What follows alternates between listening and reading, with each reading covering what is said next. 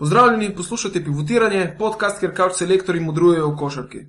Danes je mm, ponedeljek, ne? Tako je. tako je, vsi trije smo končno v istem prostoru. Ne? Kar bo foto dokaz tudi na Twitterju. Bo, ja, bo. Brez dvoma. To, je to. že. A je že? Ja. Pisa smo žurni, to ne bo hitreje kot uh, Sama debata, ne? ja. ja. Ok, imamo se pravi, nov teden je bil za nami in nov teden je pred nami. Kaj smo gledali, kaj smo delali? Imeli smo, vidva ste si ogledali vsa štiri prizorišča, v bistvu, kjer se bo dogajalo Evropsko prvenstvo v prvem delu, če odštejemo stožice, ne? Če odštejemo stožice, uh, mislim, da ima gal 4 od 4, ja. kar se tiče uh, vseh prizorišč. Uh, sam imam malo slabši skupiček, ampak bom nadoknadil uh, skozi Evropsko prvenstvo. Ja, pa recimo začnemo kar na jesenicah, eh, dvorana, ki je bila deležna največ eh, popravkov v bistvu. Jaz sem bil zadovoljen s pogoji, sploh tudi s pogoji za novinarje in uh, tudi košarkari so bili kar fascinirani, ko so stopili v to dvorano, glede na to, da smo kakšne leto nazaj na strehi še videli mah, zdaj tega ni več, tudi vse skupaj funkcionira, dvorana se hitro prazne, hitro napolne, tudi akustika je solidna, tako da jesenicam definitivno dajem pozitivno oceno. Uh, sigurno je zelo fajn izgledalo, dvorana je senica, mislim, da se je publika dosti solidno odzvala, verjetno v skupini B z Latvijo, Bosno, Makedonijo, Črnogoro, Srbijo in Litvo, niti ne bo težav, kar se tiče navijaškega vzdušja, glede na to, da prihaja informacije, da je poleg tekem Slovenije ta dvorana tudi eh, zaenkrat tudi najbolj polna. Najbolj polno, ne? Uh, Vse konc koncev že na tekmi Slovenija, Bosna je bilo ogromno navijačev Bosne in Mhm. Hercegovine, uh, tako da kar se tiče samega vzdušja, same dvorane, očitno jesenice, ki so mogoče predstavljale neko največjo težavo, zdaj to niti niso več Mhm. ne, in bo zadeva funkcionirala tako, kot mora, čeprav bo to ledena dvorana, kot po lomotivoli. Mhm. Ja. Tud, tudi samo mesto bo zelo funkcioniralo skupaj z tem neprvenstvom. Odziv je bil že zdaj na tej pripravljalni tekmi, se je videl na, na, pri vseh obiskovalcih, da kome čakajo. Čeprav bo šlo zgolj za šest dni, bojo oni te šest dni recimo v nekakšnem ospredju košarkarskega dogajanja v celi Evropi, glede na to, da bo ta skupina najbolj zanimiva. V središču Balkana. Ja. Balkanski kotel. In Baltika tudi. Ja, Baltika, tudi. ja. Ja. Uh, še ena informacija, kar se tiče jesenic, informacije, ki prihajajo, to pomeni, uh, da bodo tudi reprezentance oziroma navijači imeli možnost, da se v posameznih lokalih eh, družijo z isto mislečimi oziroma s tistimi, ki isto čutijo iste barve, istega, isti dres. Torej, lokal za Bosno in Hercegovino, za navijače Makedonije in tako dalje.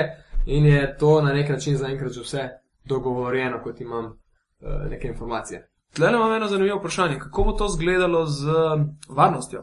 Ne? Balkanski Eh. kotel je tukaj sploh zanimiv. Ne? Jaz sem se tukaj že eh, malo tako spraševal sam sebe, kar se tega tiče. Sploh ti lokali, če se bodo zbrali v enem lokalu, ne nojači Srbije, pa v drugem ne, Bosne in Hercegovine ali pa Makedonije, da se, da se bi potem mogoče na ulici, nekje na polovici poti malo našli, Zgarbali, ja. pa se malo pomenili med sabo, ampak po drugi strani pa mogoče, če bi bilo to vse skupaj mešano v različnih lokalih, bi, bi bila zadeva še malo težje obvladljiva. Mm. Ne vem, verjetno bo tukaj največ prisotne eh, policije in varnostnikov Sigurno, ja. Da to mora biti. kar se, kar se jesenic tiče. Ampak sama maska dvorane, mislim, da je bilo uh, največje presenečenje za vse. In uh -huh. po televizijskem prenosu, in pa tudi živo je zadeva uh -huh. izgledala bistveno, bistveno bolje kot pred nekaj meseci. Kaj zadeva je razprodana gor, ne? Že, ali, ali je še kaj kart na voljo? Ja, še so neke vstopnice, predvsem zato, zato ker gredo uh, različnih obdobjih, intervalih v prodajo. Torej, da se še zadeve dobiti. Uh, ampak se pa ti sektori zelo redo polnijo. In zdaj, ko bo ta euforija, mislim, da tukaj ne bo. Jaz imam, jaz imam podatke za prvo tekmo, tekmo prvega dne, v bistvu za največji derbi v tej skupini. Že prvi dan se boste namreč udarili glavni favoritini za vrh, recimo Srbija in Litva. Kakšne dva tedna nazaj je bilo samo še 15 kart recimo na voljo za to tekmo. Jesenice bodo zanimive. Zdaj, začelo se je s pripravljalnimi tekmami Slovenije v celju. Uh, Celska dvorana morda takrat še ni bila tako dobro pripravljena kot vse ostale. No, dobro, klima je manjka. Nima, ne, s- pač uh, govori se tudi o nekih drugih zadevah, oziroma da, da je potrebno v celju še marsikaj spremeniti, verjetno se v tem obdobju zdaj v teh 14 dneh, odkar je bila tista prva tekma, oziroma prvi turnir zadeve uh, popravi. No, si Gal je bil Mislim, eh, in je kar, se, ja, kar se tiče same dvorane, je itak uh, Zlatorog že nekako slavi po, tem, po tej akustiki dobri. Ne? Tako da, kar se tega tiče, po moje ne bo kakšnih problemov. Uh, ko bo klima, bo zadeva po moje tudi kar v redu. Tudi, uh, kar se tiče samih parkingov, jih je dovolj. Uh, da, No, se gre za dosti moderno. Ja. dvorano, konec koncev so tudi uh, na mačarskem kopirali to dvorano. Ne? Rokometni klub Vesprem je A ja, naredil isto Mhm. uh -huh. kot celjani, ne? e, tako da, kar se tega tiče, je sigurno zadetek popolno.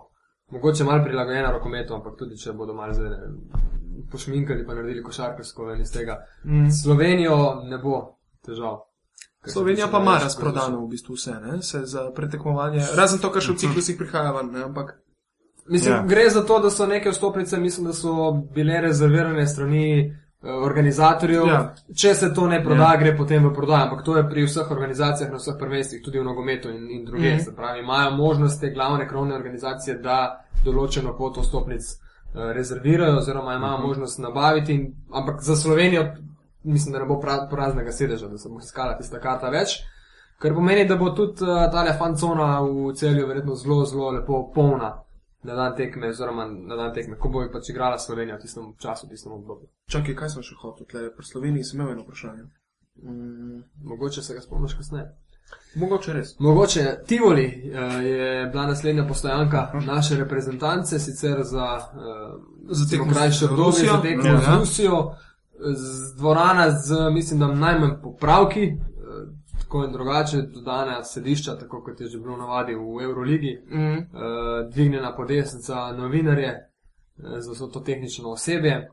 Uh, sam sem imel zelo lepo pozicijo, zelo fino pozicijo uh, kot uh, uradni napovedovalec na tekmi. Mislim, da boljše kot tisto, ja. Ki sem jo imel zelo težko, razen če bi sedel, ne, mogoče še meter in In- pol bolj na sredini. In, in ravno zaradi vas smo mi, ki smo bili v drugi, pa v tretji vrsti, recimo, imeli, nismo imeli pogleda, recimo, na vsak košček parketa. Tako da tukaj je mogoče ena kritika, ker pač zdaj je odvisno, sej recimo, da ne rabiš stalno videti vsega, ampak se da kaj spregledati v tisti drugi in tretji vrsti, ki je namenjena sedmi sili. Drugače pa ja, Tivoli ni doživel praktično nobenega popravka, uh, tako da preizkušena dvorana, ki pa bo tudi zaradi mogoče daleč najbolj eh, nezanimive uh, skupine pač svoje odslužil brez težav. Mogoče, mogoče celo škoda, ne, ker Tivoli je vedno bila Bil je hram Ja. košarke, ne, ne? hram košarke. Tiskovna konferenca se je odvijala v sobi, kjer so na stenah plakati naših velikih košarkarjev. Mm. Uh, in pač mogoče na, na ta način malo škoda, da ne bomo mogli tega malce bolj izpopolniti, ampak vse je na vsakem prvenstvu tako, da je pač ena skupina ponavadi tista, ki je mogoče malo manj zanimiva, če že zbiramo med štirimi. Ampak drugače gledano, kot smo se tudi že pogovarjali v prejšnjem podkastu, bo tudi ta skupina, ker mogoče Francija izstopa. Uh, Definitivno. Korak ali Ja, pred ostalimi, ne. Bo pa zelo zanimiva potem borba za tisto tretjo pozicijo, ker se praktično vsi zelo, zelo želijo. Ja. ja, tukaj je recimo lih, če malo izkoči ven. Ja. Eh, Ukrajinci so tle začeli nekako dvigovati svojo formo. Iz tistih začetnih, ko je izgledalo zelo rekreativno, zdaj kažejo neko formo, da bojo mogoče celo resni kandidati za to tretje Dobro, če vzameš takšnega trenerja, ne tako slovitega trenerja, verjetno imaš nek, eh, neke upanje, neko sanje, eh, nek cilj, konec koncev, ki ga želiš doseči. Zdaj na tekmah pripravljalnih tistih prvih se niso ne vem kako izkazali, je pa res, da takrat so naleteli recimo direktno na Slovenijo, verjetno najslabša možna izbira sploh. Ja. Slovenci so Ja. začeli med prvimi priprave. Ja. Uh, odigrali v Domžalah, ki so košarkarsko mesto oziroma košarkarska ja. Ja. dvorana, euforija je bila na vrhuncu, uh, naši so zadevali, Ukrajinci pa so prišli tudi z dresi, ki brez primkov, brez ne, vem, sponzorjev, se pravi neki trening dresi, Ja. samo številkami. In verjetno je že to nakazalo, da so na to tekmo šli dejansko kot neko prijateljsko tekmo. Slovenija pa na drugi strani tudi ob predstavitvi, kajti organizatorji mm. seveda vadijo eh, in pripravljajo vse skupaj, kot da bi to šlo za finale, recimo Evropskega prvenstva. Je verjetno bilo zelo, zelo težko odigrati to tekmo v tisti začetnem eh, fazi priprav. Sigurno, ja. Eh, Zdaj tle nam je ostala še četrta uh, obaljna uh, lokacija, ne? Ja. Koper. Tebi najbližja? Meni najbližja, ja. Meni najbližja. In hkrati tudi najdalj, naj, najdaljša, ne? najbolj oddaljena Ja. ja. Študgarta. Ja, ja. Recimo, Ja, nekaj koliko. Ja, 770 km Ja. imamo dol. No? jesenice so sigurno bliže. Je, je. Dobro, zdaj sem tle, tako da Koper bom definitivno ujel, ene par tekem. Ne? Ga pa bilo moč ujeti že v preteklem vikendu. Tale vikend, ja. Ja, uh, dvorana, ki je tudi doživela nekaj sprememb, tako v notranjosti, ker so pač mogli poskrbeti za dodatna sedišča. Uh, uspelo jim je, mislim, da ni 5000, ne, ampak je 4500, tukaj nekje se vrti ta številka. Se pravi, če gremo točno po črki predpisov. Fibinih predpisov. Sebe Ja. Evropa, potem uh, to naj ne bi bilo, eh, oziroma je sporno, ampak najbrž so se dogovorili. Se, Ja, a, a imajo zdaj kakšno drugo izbiro? Ja, zdaj pa sploh ne, ni, ni izbire. Uh, mene je mogoče malo bolj presenetilo, da so tudi zunanje dvorane Ja. uh, uredili, ampak mm. -hmm. zgleda zelo lično. No. To je precedens v bistvu za Slovenijo, če pogledamo stožice z Ja. njeno zunanostjo. Ne? V bistvu je tudi mene, jaz sem bil prisoten cel čas te gradnje, sem bil parkrat uh, in v dvorani in uh, pred njo in zdaj, ko, ko pač zadnji mesec nisem spremljal, me je kar mal šokiral, ko sem videl. Res lično, cela podoba je tako, ne, celovit paket je za razliko recimo od stožic. Ne, Skupaj z mestom, ne, tudi Koper Ja. je verjetno najbolj atraktivna lokacija od vseh omenjenih Mhm. mm. mest. Zato tudi naval švedov, fincev. Valjda, eh, potekmi v Gavioli. ne. Logično. Ja. Ampak dobro, Portorož tudi ni daleč. Ne, in, eh, Pergola lahko in tako naprej. Nekateri so zadevo že preizkusili. Ja, ja, kako je bilo, čakaj, v, v, kje? V enem hotelu sem slišal, da so problemi z ledom bili, ne? Ja, dejansko res let je bil kriv za mogoče kakšno, kak- kakšno skrb naslednji dan ali pa bolj za utrujenost, recimo. Ne. Ampak je potem morje to pregnalo vse zelo hitro, tako da ni, ni bilo nekih težav. Se pravi, da bo raženci te skupine lahko hladili živce in vse Ja. ja. skupaj. V, V morju, V. Ki bo takrat morju. sploh še mogoče malo bolj osvežujoče, kot je bilo zdaj. Ja, upam, se mislim, da se mu temperatura dviguje. No. Zdaj, ko sem prišel dol, me je najprej zakisalo, ko sem videl, kakšno vreme sem prišel. Mm. Konc, konc sezone bi moral biti lihuna idila in evo tega. Maš kar maš. košarkarska idila na morju pa uh, nekako v obliki organizatorjev ja. s košarko na splavo. Ne? Uh -huh. Prvič uh, takšna fotka, recimo takšen video tudi, ki je odšel v svet, igralo se je v postojni. Ja, V, V jami, na v jami, žrebu, ne. ja. In zdaj da še na morju. Meni se je zdela zadeva uh, odlična ideja, mm -hmm. Mogoče realizacija ne tako zelo. Uh, po eni strani se trudijo vsi in govorijo o tem, da je treba košarko približati ljudem, ja. po drugi strani so pa šli tale splav postaviti predaleč Ja. od ograje, od, Ja. od, od uh, pomola, recimo. Od pomola, ja. ja. Tako Mene da tukaj je so bilo malce ja. žal, sicer so fotografije, uh, recimo. Galebi oko, ne, če uporabimo mm Mhm. -hmm. to zadevo, so res zelo atraktivne. Ne. Iz kormoranske perspektive. Recimo, ne, res zelo, zelo uh, atraktivne, ampak po drugi strani mi je pa bilo kar malo žal, da zdaj ni moglo videti recimo širše občinstvo.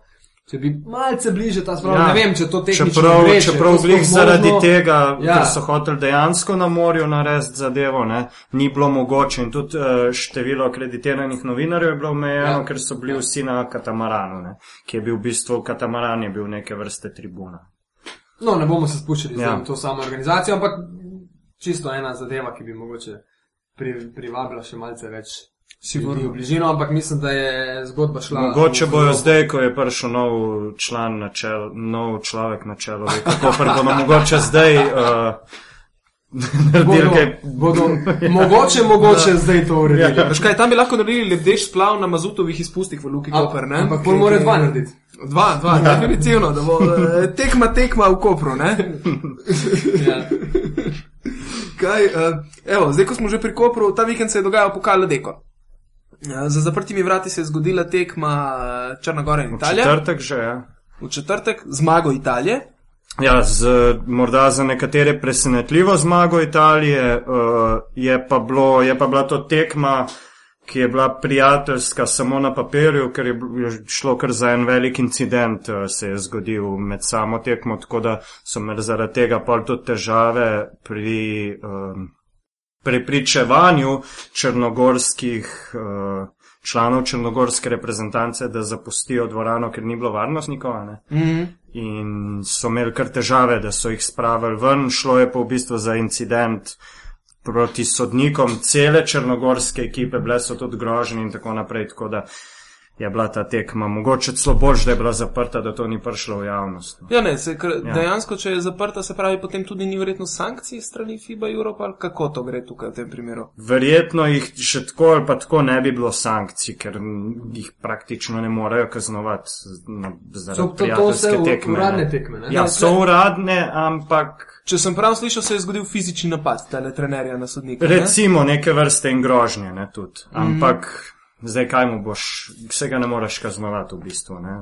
Mu boš rekel, da naslednje prijateljske tekme ne bo vodil, ki jih sploh nimajo Sam, več. sam na sprednji prijateljski Ja. nima, se pravi, lahko se ta kazen prenese pol na prvenstvo, ali ne? To bi bilo pa po moje požeto z, z veliko mero neodobravanja. Ja, na zadnje smo to zgodilo. videli, lej, ko je bil pokal Akropol iz leta 2010, ko so se Grki in Srbi med sabo sklofali, Ja. ko je Dobro, v, sem- v, v kafanski maniri Ja, krstič dobro, eh, sem- s stolom. Ne? Tukaj ni šlo za te vrste fizični obračun, so bile bolj grožnje. no. Pa tudi tam so posnetki Ja. prišli v javnost in smo Ja. vsi videli, kaj se je Ja. ja. dogajalo, ne? tukaj pa tekma bolj zaprtega tipa in, eh, in pač mogoče malo zaradi tega tudi vse skupaj skrito. No. Je pa, ja, je pa tudi rezultat 89-73 za italijane govori o neki, po domače povedano, razštelanosti črnogorske ekipe, ki je na nek način iz vloge tihega favorita, največjega morda tihega favorita tega prvenstva, prišla zdaj neko serijo, serijo slabih, slabih zadev se jim je zgodilo. Prvo odpoved eh,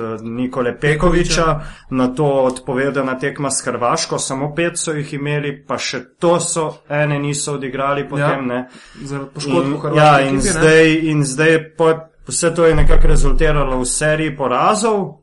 Zdaj so se pa pač vrnili na bar uh, domov, kjer bodo probali, v bistvu jim je že uh, uspelo se dogovoriti s klubi, tamkajšnjimi, da bodo vsaj s klubi odigrali še tekmo dve mm. in na ta način nekako stopnjevali to tekmovalno formo, ki pa zaenkrat pri njih še, še ni. Čeprav so potem recimo proti Sloveniji dokaj solidno funkcionirali, ampak s tako igro in predvsem živčnostjo jih.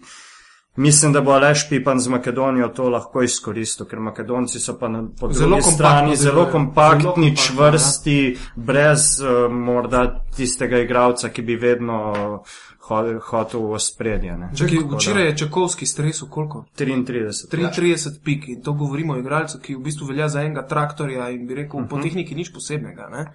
En tak Ja. ja. Tomo Vinkovič je v bistvu. Ne? Tadam! Ja, ampak po drugi strani ima med z razdalje močanje. Ja, in je na ta, močen je na ta vol, način ne moreš premakniti v ne. raketi. Ne? Čekovski je povzročil težave že na tekmi Aba lige v Stožicah proti Olimpiji. No, se jih je zrinil, jih je Ja, iz ja. rakete. Tako, da... Ampak še eno zadevo, no, ko si že omenil, eh, da je Črnagora nek tihi favorit.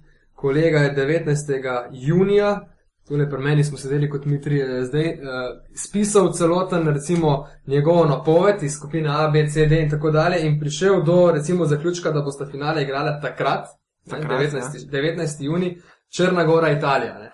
Se pravi, eh, takrat je tudi Italija še drugače izgledala ne, Ja. eh, kot ta moment, ampak čistko za, eh, za malce, recimo. Sam to je bilo res veliko presenečenje. ne. Ja. Ja, ja, ja, to je mogoče malo v zabavi, ampak v tisti moment mogoče niti ni bilo tako nemogoče, kot je Seveda. spadlo kasneje in uh, mislim, da je Črnagora niti približno več ne kotira tako visoko. Ja, čeprav proti Sloveniji recimo so fantastično izkoristili nekako tale mismeč, ki so ga imeli z Bojanom Dubljevičem. Ja.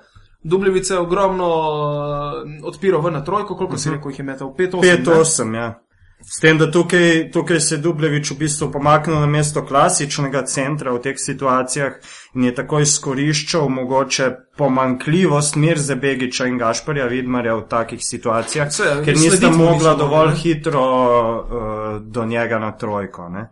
Ampak mislim, da so Črnogorce med uh, fa favorite, med reprezentance, ki bi naj osvojile kolajno, osvojili tudi pri FIBA Europe. Ja, Uh, to je zelo, zelo visoko, recimo pred Hrvaško in tako dalje. ja, ne. ja. Tako da uh, mogoče ta moment največje, največje negativno presenečenje. Uh, če ne drugo, pa Črnogorci skrbijo za timski duh. To so na obali ja. dokazali. Uh, očitno tukaj ne bodo imeli večjih težav. Ja. Samo ta timski duh lahko potem popelje v eno ali pa v drugo stran. Ja. Ja. Zdaj, če bo šlo to v tisto, ki si oni ne želijo, ne vem, kako se bo končalo vse skupaj, če bi morda zgubili kakšno tekmo malo sumljivih sodniških odločitev in tako naprej, bi znalo kar zavret dobesedno na Ja, jesenicah. Dokler jim vina ne zmanjka, bi Ja. mogoče še šlo. Ne? Ker v bistvu njih, uh, za njih, kar je tudi že njihov selektor na tiskovni konferenci povedal, za njih so ključne prve tri tekme. Latvija, uh, Latvija, Makedonija in pa, in pa Bosna in Hercegovina. Bosna in Hercegovina. Ja. Na teh treh tekmah se bo odločalo, v bistvu, kdo bo to. tisti tretji, ki bo šel naprej, če, re, če nekako postavimo vlogo favorita Srbe in Litovce. Ne. Tako da oni, oni morajo na prvenstvo priti po V uniformi formi. in konc. V top formi, ja. Vse zato. In tega zdaj zaenkrat ne dokazujejo, uh Mhm. -huh. ker nekako. Zdaj ne vem, ali je to mogoče del, da so imeli drugačen trenažni proces, pa eh, dvigujejo formo malo pozno. Ne? Sad, če jo bodo prepozno dvignili, se zna Ja. zgoditi, da ne pridejo niti skupine ven. Ne? Oni so eh, priprave začeli s, mislim, da tremi zaporednimi zmagami. Sicer te reprezentance niso bile tiste iz prvega ranga, Mačarska, Avstrija in pa Ukrajina. Potem, ne, si so tekmo uh, Dubrovniku s Hrvati, ko se je vse skupaj zapletlo že en dan, ko tekme ni bilo, pa ja. Se je zgodba začela podirati. Ne.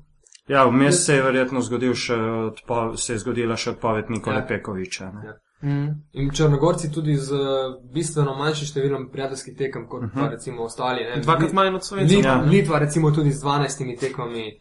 Uh, Mene je, tudi, mene je tudi še nekaj drugega tukaj nekako zmotilo, ali pa sem se nekako nekak razmišljal o tem, uh, kaj bojo naredili s tem playmakerjem. Ne, recimo.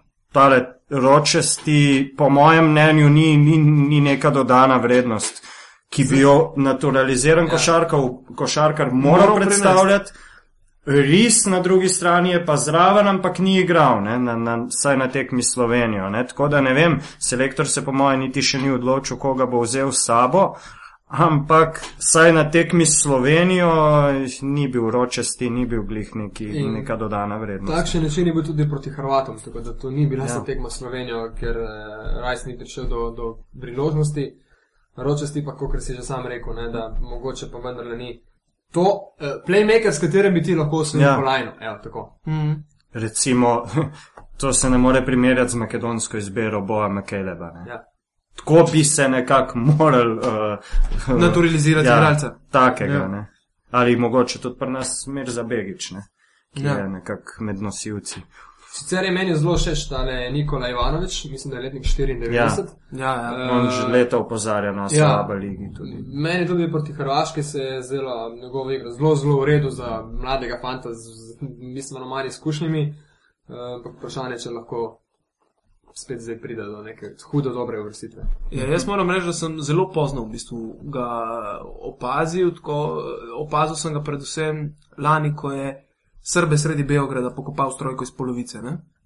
In pa sem ga malo bolj začel gledati. In, eh, čeprav letos v budučnosti še vedno ni nekaj veliko igral. Ne? Je dobil priložnost, ampak ni pa bil prvi play. Ne? In tudi Tako, zdaj je budučnost, če se ne motim, pripeljala novega prvega, Prvega prvega playa, playmakerja. In, ampak le v redu, fant ima 19 let. Če bo, če bo šlo tako naprej, bo recimo drugo sezono prvi playmaker pri 20, ne vidim neke težave. Potem tekma Slovenije in pa Italije. Italije, ja. Italija Visoko ki- število pik, ne? Ja, Ja, Čisto nekako drugačna igra, nekako od slovencev, kot smo pričakovali. Se mi zdi, kot da so italijani nam malo narekovali Italijani- ritem. Italijani ne? so stalno igrali ja. pick and roll Ja. in do tega je prihajalo do teh metov, ne? stalno in nekako. Tudi Slovenci niso imeli nobenih težav z metom, trojka je bila 12, 25, 48 odstotkov.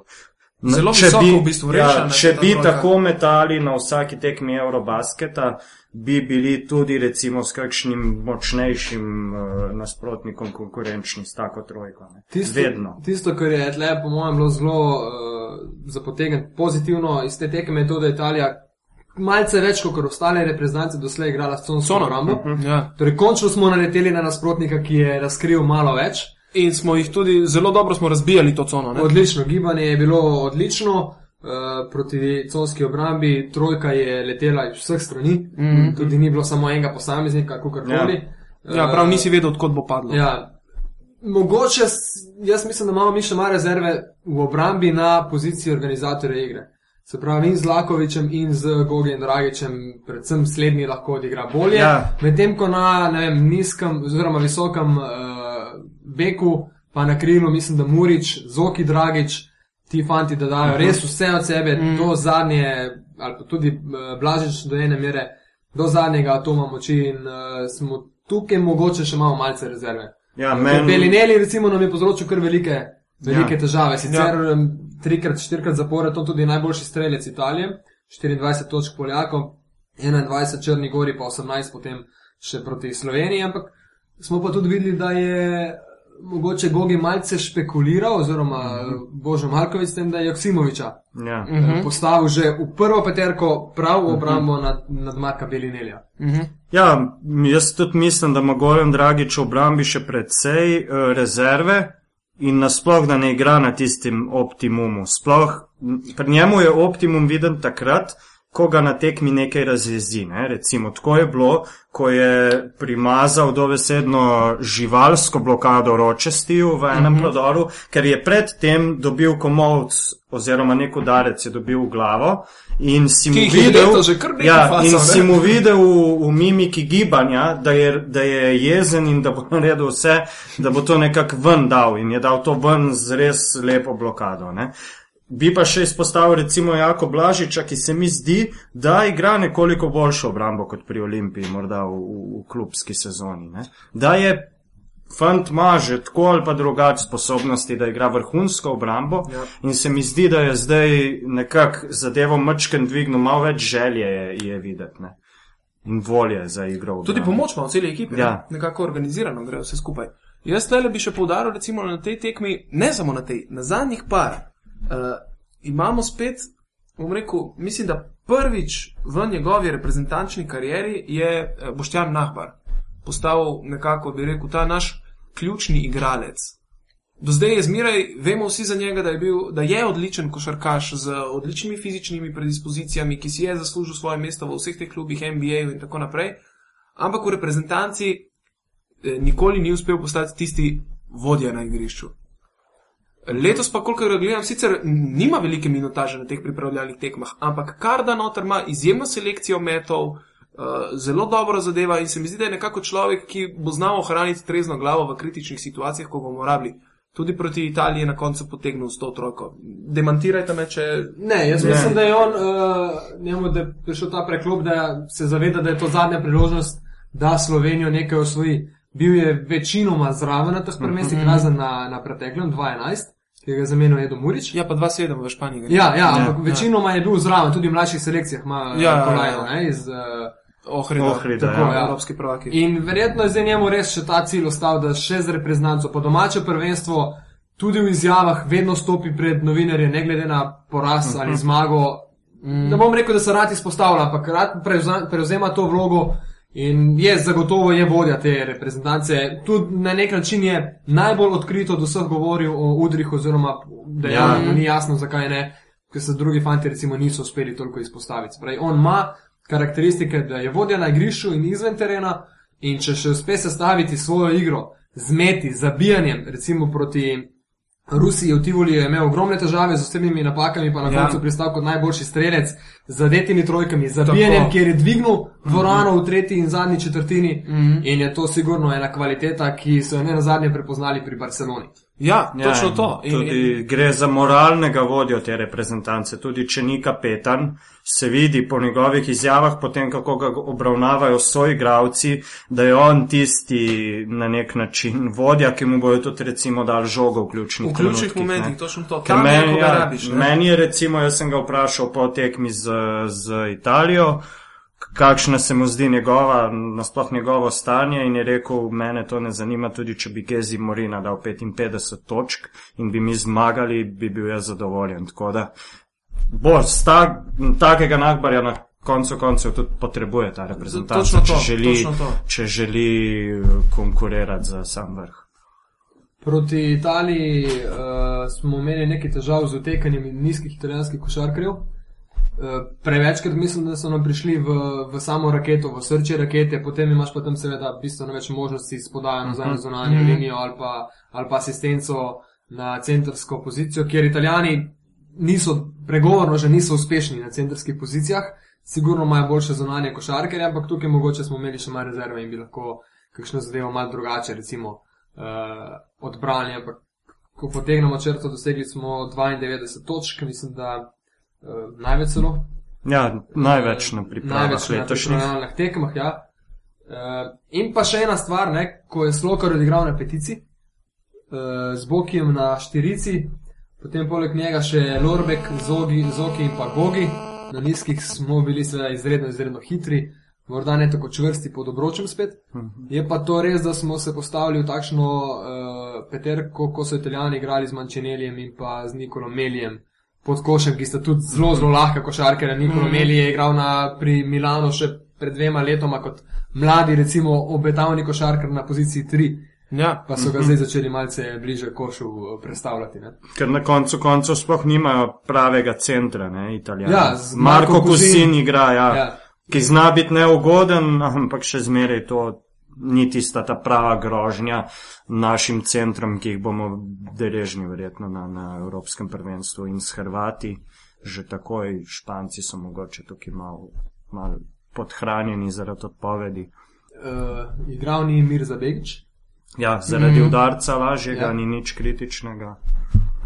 tako da tukaj nismo uspeli ja. videti, kaj se dogaja z njim, oziroma če se je forma kaj dvignila. Gašpr Vidmar blesti z uh, obrati. Mhm. Neverjetno začenja tekme. Mislim, da večino tekem je celo on dosegel prvi ali pa drugi koš. Ja, ja. ja. Uh, vedno se pravi, skušamo prvi, drugi napad spraviti žogo v raketo in potem ti njegovi čvrsti, hitri obrati, zabijanje, Demonstrira poizkus to zabijanja. svojo, Ja. superiornost. Dejansko v se spomnim tega zabijanja njegovega proti Italiji, ko je Aradorju razbil tukaj le Ličnico, kožo pod ja. In ga v bistvu žogo dobesedno še njega Zatrpal v stlačil v koš, ja. obroč. Ja.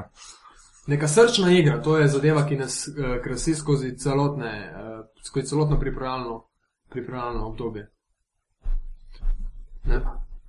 Ja. Vedno bolj, vedno bolj se mi Pa zdi. še ena stvar, ne? uh, Jaka Lakovič je zadel trojko Oh, na tisti prvi tekmi. Uh, in mislim, tudi on se je zahvaljeval vsem skupaj, ja. Zgoraj nekje, Mm. mm. pa od spodaj, levo, desno. In je, mislim, da tudi ta barijera, recimo zdaj, pri tako izkušenem košarkarju se je videlo, kako jo je čakal. ja. Uh, Gesta, ko je z roko, ne vem, s pestjo stisnjeno udaril ja. Proti tlem, dal je sebe nekaj več. No. Mhm.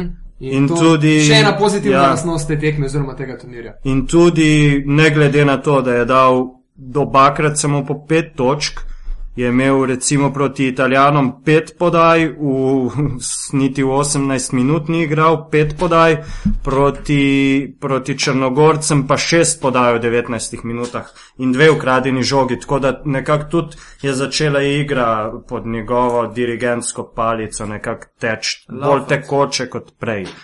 Jaz bi pa mogoče še izpostavil še enega igralca, ki takoj pade v oči na teh dveh tekmah in to je Edo Murič, recimo. Ne? On, je, on je zadev na teh dveh tekmah šest trojk iz enajstih poizkusov. Praktično je šla vsaka noter. Ne? Naj zadrži tole. Poleg tega- strelsko, poleg tega pa- nikoli ja. nisem pri njemu doživel take. Ja, poleg tega pa še, kadar je on v igri, gre vedno na skok in imamo tistega igralca več, ki ga potrebujemo v skoku, zaradi recimo deficita pri Nahbarju, če igra na štirici, recimo, imamo takoj tukaj Muriča, ki za njim ni nobena žoga izgubljena. In, Murič je v zadnjih ja. Dveh letih najbolj napredoval, oziroma zadnje pol leta recimo je največji preskok naredil od Ja. vseh košarkarjev. Tudi Blažič, tudi ostali, ampak mislim, da Murič, če ga primerjamo ja. Ja. zdaj ali pa pred dvema letoma, je Sploh glede, vse ja. zadeve so izboljšane, vse od fizične moči, pripravljenosti, obrambe, uh, samozavesti. uh -huh. Uh, trojka recimo zadeva, se si povedal sam. Ja, sploh glede na to, da je on uh, vzgojen v narekovajih kot krilni center. Ne? In Ja, so mnogi imeli pomisleke, ja, so mnogi imeli pomisleke, kako bo on s tehniko, recimo na teh zunanjih položajih, ampak zaenkrat mislim, definitivno si zasluži eno najvišjih ocen po tem turnirju v, v Kopru. Ne. To je pa po mojem vse skupaj posledica tega, da igra recimo v Krki, kjer je zdaj le že ne vem. Dvakrat zapored ali celo trikrat postal državni prvak, ima tisto zmagovalno Trikrat, mentaliteto. trikrat, Trikrat, ja. ja. Trikrat. Uh, Čakaj, z, z Giletom je bil, ne? in potem lani z. z... ja, v bistvu trikrat, ja, ja. trikrat, trikrat Saj je ima še eno leto pogodbe. Uh, v glavnem in mu je tukaj, Ali- in ali je je tukaj, in je, in je tukaj nekako on uh, dubo to prepotrebno samozavest, ne. Tudi lani vemo, kak, kako je igral v Krki do poškodbe, bil je praktično Ja, prvi ja, skakalec, prvi strelec in eden najboljših podajalcev tudi v ekipi. Tako da ja. Pa- Pardon, ampak super, tle to moramo pisati. V zadnji imamo veverico, pa to ta, ne? In, in če dobro prisluhnete, zdaj je lešnike.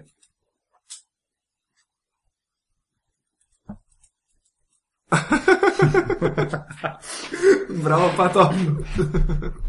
Ja, Neč še en zaključek. Ne, še. Kakšno eh, eh, Predvsem eh, je to, takoj po tekmi je Boža Malkovič obelodanil spisek 12 ja. igralcev, ki bojo potovali na Evropsko prvenstvo. Ne? Tukaj imamo nekako jasno je bilo, da bojo izpadli ven, oziroma če najprej naštejem tiste, ki so tukaj. Um, imamo Gorana Dragiča in Jako Lakoviča ter Joksimoviča na poziciji organizatorja igre, ki Joksimovič recimo krpa tudi dvojko. Mm, Na, na, na bekovski poziciji imamo eh, Blažiča, eh, pa Domna Lorbka, pa Zorana Dragiča, ki ravno tako hodi na, na mesto krila. Eh, Na krilu sta Murič in Nahbar, ki dejansko v bistvu igra zdaj Krilnega krilnega centra. praktično vse čas. Jure Balažič, Uroš Slokar, Gašper Vidmar in Mirza Begič. Uh, ostali so doma, oziroma še kot rezerve, če karkoli ne gre po planu. Uh, Lapornik, uh, Morina in uh, Klemen Prepelič. Presenečenje, kašno, pripombe. Zame, zame ni presenečenje. Jaz sem to napovedal že po dveh, recimo, pripravljalnih tekmah.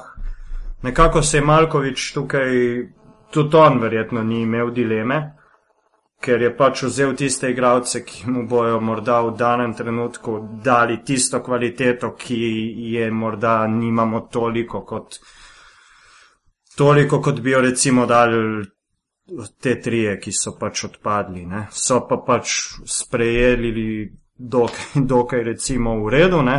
So pač hvaležni, da so bili zraven, da so lahko trenirali z najboljšimi košarkarji in tudi ostali uh, reprezentanti, ki so ostali v tej uh, ekipi, so bili z njimi nekako zadovoljni po samih odzivih, tako da po moje tukaj ni nobenih zamer. Za vse tri pride v poštev prihodnost, tudi Boštjan Nahbar je napisal na Twitterju, da so oni nekakšna prihodnost slovenske košarke in če bojo dobro delali še naprej, ni vrak, da jih ne bi še kdaj videl v tem zelenem dresu. Ja, jaz imam mal pomislek, ne, se to sem že v prejšnjih debatah omenil. Uh, sicer ne vem zdaj iz prve, koga bi tukaj mogel odrezati od te 12 terec, ampak Klemen Preperic se mi je zdaj tisti, ki bi, ki bi na nek način lahko, lahko pristal med temi 12. Uh, za tistega, ki pač izpade potem z 12, je pač druga zadeva, ampak se mi zdi, da bi Preperič mogoče lahko v parih minutah na tekmo dal ja. Ja. nekaj od sebe. Je pa res, da sem si uh, ogledal tiste prve tekme naše reprezentance v Domžalah in je to pustilo zelo dober vtis name. Ker je kot playmaker tisti moment izgledal recimo boljše kot uh, Joksimovič. Mm. V domači dvorani res je proti Ukrajini, ampak je našel, je, mislim, da je bil z glavo pri stvari. Zelo, spomnim se, kako je krpal uh, lih playmakerja. Ja. Ja, odlične pike ja. role odigral z, je- z Vidmarjem. Ne? Odlične pike role, uh, spomnim se ene akcije, ne ob koncu prve četrtine ali pa druge, ko je poiskal povsem diagonalno na drugi strani trojke Eda Muriča za trojko, mm -hmm. tik pred našo klopjo in to zadeva, ki se mi zdela, da je z, bila dogovorjena. Da so se čutili, se pravi, tukaj je mogoče še manj ta pomislek, ampak sigurno je selektor Malkovič tisti, ki je s fanti na treningi največ delal in se pač odločil za neko varianto, ki jo ima, ki jo ima on v glavi. To je ena stvar, in druga stvar, je uh, še vedno mi tista stvar mogoče ni bila toliko jasna, je pa Miha Zupan. Ja, eh, ja. ki bi lahko konkuriral na tele poziciji na štirki, ne sicer, Seveda. ko smo se preko Twitterja malce prepucavali, je Gal hitro napisal, da je pač Zupan na, na drugem prvenstvu, oziroma da ne bi mogel delah, oddelati celih priprav. Mislim, njemu verjetno ne bi bil problem, ampak igravcu pri teh letih in igravcu, ki ima že neke obveznosti, ne, uh, je pač nekako, so mu ga pač raje ga niso poklicali med 16. Kot da bi ga poklicali med 16 in bi potem odpadel. Ne? Glej, Ker jaz- tukaj, tukaj je imel Jure Balažič, po moje, že od začetka, uh, ne, je bil nekako mal v prednosti pred njim in uh, so se pač potem tako odločili. Ne? Bi pa recimo še komentiral igro Prepeliča, res je na tistih prvih tekmah je nekako s to pick and roll igro nekako prihajal do izraza, vendar na naslednjih pa od njega drugega kot trojk nismo več videli. Ne? In tukaj je verjetno Malkovič uh,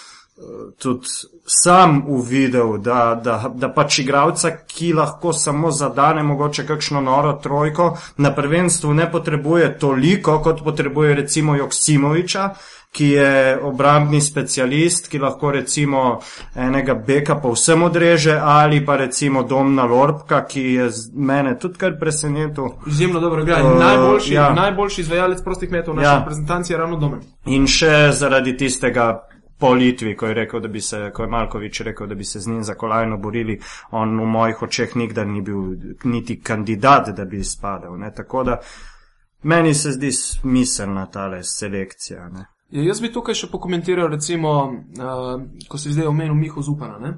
Jaz zadevo vidim enostavno tako, da je uh, Malkovič je preizkusil tako Miho Zupana kot uh, Jureta Balažiča že v prejšnjih obdobjih. Lani je vzel Jureta Balažiča sabo na to pripravljalno uh -huh. obdobje v Sloveniji, brez velikega tekmovanja.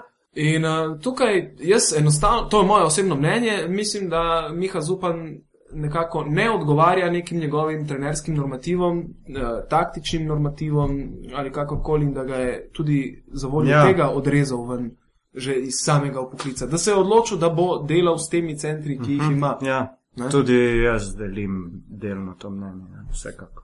Uh, poškodbe v naši reprezentanci brez nekih hudih poškodb, oziroma da bi kdorkoli odpadel -huh. zaradi poškodb, to je še ena stvar, ki Upajmo, da bo Da, ostalo. da ne. potrkam, ja. da bo trkamo ja, po lesu, pa da bo tako ostalo. Uh, ostale reprezentance, ne? sicer smo deležni takšnih in drugačnih odpovedi, rak rana naše selekcije, recimo, ampak ostale reprezentance v večini imajo uh, košarkarji oziroma selekcije malce več zdravstvenih težav. Na zadnje, recimo, ruska reprezentanca, ki je ostala brez Voronceviča, Ja, ki je pa Srbi. odigral par tekem. Srbi še tako ali tako ne vejo še ta moment, s kakšno dvanajsterico bodo odigrali. Pa da ne naštevamo prav vseh. Mhm. Zadnja me je recimo prav pri Rusiji eh, najbolj presenetila ali pa pač negativno eh, pustila neko tisk. Ostali so brez visoke košarke, brez štiric, Ja. brez Kirilenka, brez Krijape, brez Kauna, brez uh, Mozgova. In na zadnje še brez Voronceviča, mm. -hmm. ki je igral zelo, zelo dobro na teh pripravljalnih tekmah, vsaj na zadnjem, eh, zadnjem obdobju. In pač Rusi očitno res nimajo težav, mogoče je to fama, ne, ki so si jo prinesli z mm -hmm. tremi menjavami selektorja. V, v 10-14 dneh. Mislim, k- kakšno šalabajzerstvo, pardon, ampak. Ja. Mislim, če greš na tako prvenstvo, ponovadi se to ne dogaja, sicer ne vemo točno, kaj je bilo vse v zadju. Uh, je pa pred našo reprezentanco še ena tekma, torej še uh, Francija. Francozi. Najtežji test, verjetno, do zdaj. Ne? Ja, sigurno. Ne? Meni je mogoče bilo tukaj malo nenavadno, da za zadnjo tekmo vzameš ravno uh, enega izmed zelo, zelo resnih kandidatov, ne za kolajno, ampak za zlato Ja. odličje. Potem, ko imamo en teden prosto, se pravi, prej smo imeli tekme, uh, malce recimo bolj pogostem obdobju, tudi ostale selekcije sem malo spremljal, imajo v naslednjih dneh še po dve, nekatere uh -huh. celo tri tekme. Uh, Litva, mislim, da celo štiri. Mi igramo samo še v, s Francijo, Ja. v soboto. Po eni strani, če smo blizu, če jih zmagamo, je to sigurno dobro. Uh, paketa še nismo nesli, razen proti Srbiji. Ja, ne. ja, uh, nismo še enega. dobili, ne? in mogoče po drugi strani, če ga zdaj, recimo, dobimo proti Franciji, Ja. je malo tvegano, je to ravno zadnja tekma pred prvenstvom. Verjetno bo potem tudi od uh, trenerskega štaba odvisno, ali bo to obrnil z psihološkega vidika v sebi v korist, se pravi, dokazali ste zdaj, da ste sposobni tudi zgubiti, tudi doma zgubiti. Bodimo pozorni na prvo tekmo. in tako Meni se zdi to ravno pozitivno. Ja. Recimo, ne? stališča, Če Ja. nas francozi v takem primeru recimo premagajo. Ja, zdaj po drugi strani pa ne, meni se zdi, da je mogoče zadnja, zadnja tekma, če odigraš ne. Litva bo igrala z Gruzijo, ne, na, na domačem Ja. paketu v Kaunasu. Ja. Dan Eh, kasneje. Ja, to je pač pumpanje samo za misli pred odhodom na prvenstvo. Ja, ne? tri dni pred, pred uh, prvo tekmo, ne. ja. Ja, tu, prvega tukaj, ne. tukaj nikoli ne veš, ne? vedno je za vsako ekipo v bilo katerem športu je dobro, da zmaguje. Ne? Tudi na prijateljskih tekmah, to sploh, sploh ni dileme. Ne? Je pa zdaj vprašanje, kakšen, kakšen, kakšno posledico to pusti na, na sami ekipi. Ne? Tako da tukaj nikoli ne vemo. Ne? Lah, lahko izgubimo za 20 točk, pa bo to pozitivno, lahko pa zmagamo za 20, pa bo negativno. Ne? Bo pa to definitivno pravi test, ne? zdaj, ko ga bomo lahko resno je malo vprašanje, ker bojo verjetno tudi francozi igrali v polni postavi, ne? tudi zdaj na zadnje je nekaj Parker manjkal, če se ne motim, ni igral. Ja. Uh, na Ampak tej tekmi ga problemov držali nekako Ja. ja. z Španijo gor, ne? Čeprav Španija vse čas jih s cono. Uh -huh. Ja, ja, ja, ampak je, je to logično. Francija Ja. ja. bo imela verjetno največ žal prav proti Seveda. conski obrambi. Ne? V Ja. prvem delu še ne, ker je skupina toliko uh -huh. lahka, da bo brez težav Francija To se bo sprehodila, ja. V drugem delu pa fizična moč in conska obramba. eh, Ker ena na ena proti francozom si verjetno v, Somor. de, si, si v deficitu že v štartu. Ne? Ja. Se pravi, Ja. si vedno korak zadaj, se loviš. Tudi Španija je zaradi tega igrala uh, consko obrambo, večji del. Španija več ali manj skozi igra consko obrambo, sem zdaj gledal med eh, pripravljalnimi tekmami. Mislim, da mm, tukaj gre bolj, da s- ne vem, spočijo določeno centrsko linijo, da, da čuvajo malo Mhm. Marka Gasola v vsej zadevi. Ne? Nekako njemu se mi zdi, da je prirejena ta cona. Mislim, da ta cona, uh, da je pri večini reprezentanc tisti as v rokavu, tista zadeva, Ja, ki jo bo vsi- presenetil s cono, Tako, vsi bodo presenetili Ja, s ja, ja. cono. Ne? Se pravi, ekipe imajo dva napada, Slovenija, mislim, da je Gogi Dragič omenil, da ima dva napada proti coni, proti Italiji je to dobro funkcioniralo, upamo, da bo tudi dalje. Zdaj, če bodo Hrvati, recimo, uh, jaz mi reče, še je zdaj tarča neverjetnih kritik. Najbrž si tega niso želeli teden dni, oziroma ne, pred prvenstvom, da se bo kaj takega dogajalo, ampak tudi oni imamo še rezerve. Uh, je pa Repe še v enem izmed intervjujev zdaj že omenil, da je v preteklosti, ko se je odpravljalo na te pripravljalne tekme, uh, vedno odigral tako, kot da bi igral na prvenstvu in da je preveč pokazal in da letos dejansko skriva. Zdaj, uh, vprašanje je, ali je to resnica, se pravi, da dejansko skriva, ali samo govori, da skriva, ker trenutno Hrvatom Se- ne gre dobro in se skuša seda umirjati, zadeva, ja. Ja. umirjati strasti. Po dveh tekmah v Dubrovniku, ki so jih odigrali v redu in zmagali, je spet sledil padec. Hrvaški mediji, uh, Jih tako trgajo, menim, ja. da so Ja. po tistih tekmah že pisali, da forma se uspenja, Hrvaška je spet tam, kjer mora biti. Po naslednjih dveh porazih je že, je že bila zgodba seveda drugačna. Ne? Jih tržajo, uh, oglašajo se hrvaške košarkarske legende, Mirko Novosel. Ja. recimo, ne? Ja. Čeprav on je vkrcal v Srbijo, ne? bolj ali manj. In tudi repešo, da preveč uporabljajo igralce, ki na prvenstvu ne bodo med nosilci. Zdaj pa tukaj vprašanje, zakaj on to dela. Ne? Ali dela to zato, da jih spočije, ali No, on se je, on vem. se je obregnil tudi ja. V hrvaško uh, igro. Ne? Mm. Dejal je, da Ukič ne sme eh, Da mora igrati kot žoge, v ne? Panathinaikosu, da, naj, da naj začne podajati, da se mora Bogdanovič bolje odrezati in tako dalje. Ne? Še Ta del, vrsti, s tem ne. delom se jaz strinjam. Ne? To je prav, ker Ukič ima veliko krat probleme, bi rekel, svojih Ja. ja. norih navpičnih prodorov. čeprav brez v pogleda. Panathinaikosu je letos odigral, po mojem mnenju, najboljšo sezono v karieri, kar se tiče playmakerja. Jaz Lahko mislim, da je prva, dejansko prva da je njegova imel- ja. solidno sestavljena sezona. Lahko da je imel kdaj več točk, boljše povprečje, ampak Ja, kot ja. playmaker je letos funkcioniral res najboljše. Morda se pa ne boš strinjal s tem, kar je tudi omenil Mirko Novosel, ker je našel usporednice z, a, med Antem Tomičem in Krešimirjem Čosičem, ne? Mm. da, da sta podobna igralca. Ne? To pa ne vem, zdaj Srbi so se zelo, zelo, zelo močno odzvali na, na Ja, te ja, kritike. Gledaj igralce. posla? Ja, tudi igravci sami, recimo, recimo Nemanja Nedovič je na Twitterju zapisal, smo res tako netalentirani in pustil odgovor vsem njegovim sledilcem. Tako da No, Ja. proti hrvaški reprezentanci mislim, da Hrvati imajo zares eno zelo talentirano reprezentanco. Verjetno pa večjo krizo identitete same selekcije. Nimajo tistega patriotizma, mogoče kot -huh. hrvaški nogometaši. Tam je eh, reprezentančni dres sveti, rokometaši tudi uspevajo v tem, v večini ja. primerov, na večini prvenstv v košarki jim tega enostavno ne uspe sestaviti, čeprav so vsako prvenstvo med tistimi uh -huh. ožjimi favoriti za. Oni imajo zmeraj ekipo, ko Ja. jo pogledaš odlično. Potem pa na koncu so, jaz bi rekel, te mušterije slovencev uh -huh. in, in srbov, ki jih ponovadi nekje To- uspemo stamati. To mi je tudi Aco Petrovič razlagal. On je leta 95 osvojil zadnjo kolajno s Hrvaško, bron na Eurobasketu. Da se je v bistvu že takrat začelo, ker za njih ta bron ni bil dovolj. Za hrvaško javnost, za kvazi strokovnjake, to ni bilo dovolj in so nekako začeli s kompletnim remontom vodstva reprezentance. Prišli so novi ljudje, ki niso bili eh, recimo tako kompetentni in tako dobro sprejeti kot tisti prej. In že v bistvu se je že z bronom začel nekakšen padec. Ne? Tako da, ja, pri njih je tudi neka zelo, zelo, zelo zakomplicirana situacija, ki jo bo niti, kaj še le mi ne moremo, še sami ne morejo rešiti, kaj še le zunanji opazovalci. Še ena legenda je tukaj. Ne? Na tistem prvenstvu 95 so zapustili podium, ko so gor prikorakali zmagovalci Evropskega prvenstva, takrat še Zvezdna republika Jugoslavija, uh -huh. Srbija in Črnagora, današnja, oziroma zdaj sem še Srbija.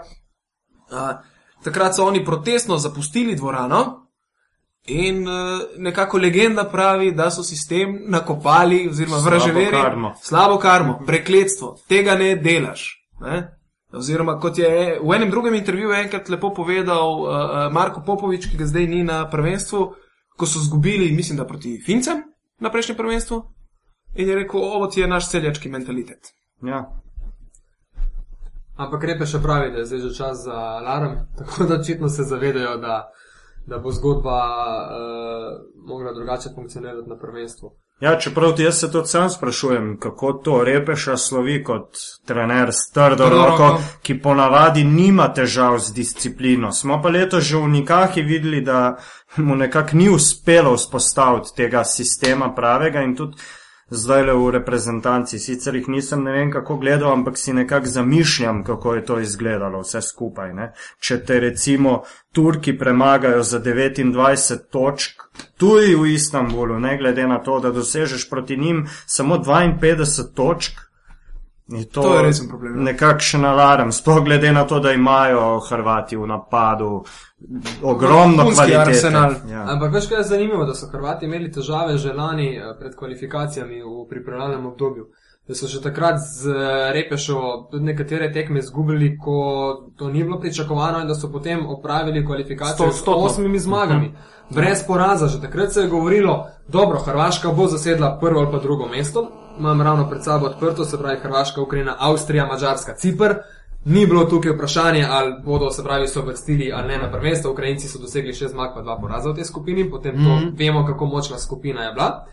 Ampak šli so pa skozi, sko, skozi vse skupaj še vedno z osmimi zmagami, se pravi na prvenstvu bo mogoče zgodba drugačna, če sodimo po lanskem poletju. Mm -hmm. Ja. Če sodimo. Vse tudi leta 2009 so se komaj povlekli v, v četrt finale, kjer so pol proti Ja. Sloveniji odigrali atomski prvi polčas, ki ga je dejansko rešil Marko ravno Popovič. tisti Marko Popovič s svojim incidentom, butasto Ja. tehnično napako in omogočil Sloveniji vrnitev v drugem še- ob fenomenalnem nori Pogovarjal, pogovarjal sem se glih z Jurjetom Zdovcem prejšnji teden in mi je nekako zdaj, po, po, po štirih letih, nekako pisal te občutke in je rekel, da enostavno mi smo Hrvate takrat dvakrat premagali. Trikrat. Dvakrat v Poreču ja, in. Uh, ne, dvakrat. dvakrat ja. na pripravljalnih tekmah in so mu glav, po glavi rojile misli, da jih bomo v enem mesecu pa težko še tretjič premagali. ne. In to se dejansko to se je zgodilo. In poleg tistega incidenta Marka Popoviča je Slovenija na polčas odšla s trojko. Ne vem, če je bila točno v zadnji sekundi, Ja, ampak ja. proti koncu in Jure Zdovc je seveda rekel, da oni so šli polni motiva eh, Dvignjeni, ja. v polčas, mislim na odmor, Hrvati pa sklonjenimi glavami. Ne. Sve, ko so Potem se ja- 20 sekundah uh, Potem, potem se je pa še zgodil verjetno najboljša tekma v karieri, Razma Lorbka, ki je takrat pošolal No. dobesedno.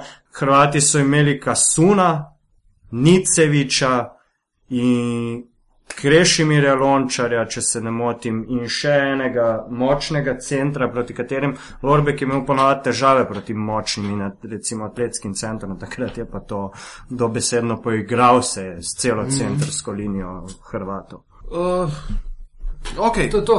Hrvate smo se pravi pripeljali do konca, ja. lepo smo to naredili, lej. 57 minut, skoraj urca. Če bo kdo zdržal za tole, če Ne se celo sekirati. stvar vsa čas. Ne se sekirati, zdržal bo. Pa pivo naj si kupi, če že vsaka čast. Če je že pivotiranje, ne? Če je že Ja. pivotiranje. Ja. Ja. Tako in drugače je pivo. Tako. v bližini. Ja, Okay, kaj gremo na pivo? Gremo na Pa pivo, gremo. eh, še prej eh, bomo povedali, kje nas lahko. Ja, ja hvala, bravo. Ne. Kje nas lahko najdete? Miha, ti imaš idejo? Ja, jaz imam idejo še vedno na Twitterju kot Miha Penko. Ja. Nisem še spremenil, uh, razen Facebooki to pa ima vidik že vsak dan danes.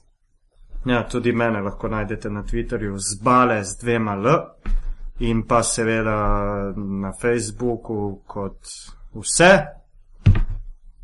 In to je to. To je to. Ja. Jaz sem na Twitterju Tibor Jablonski, se pravi, uh, oziroma Afna T. Jablonski z Y na koncu. Ma, ma, se bo v linku zraven.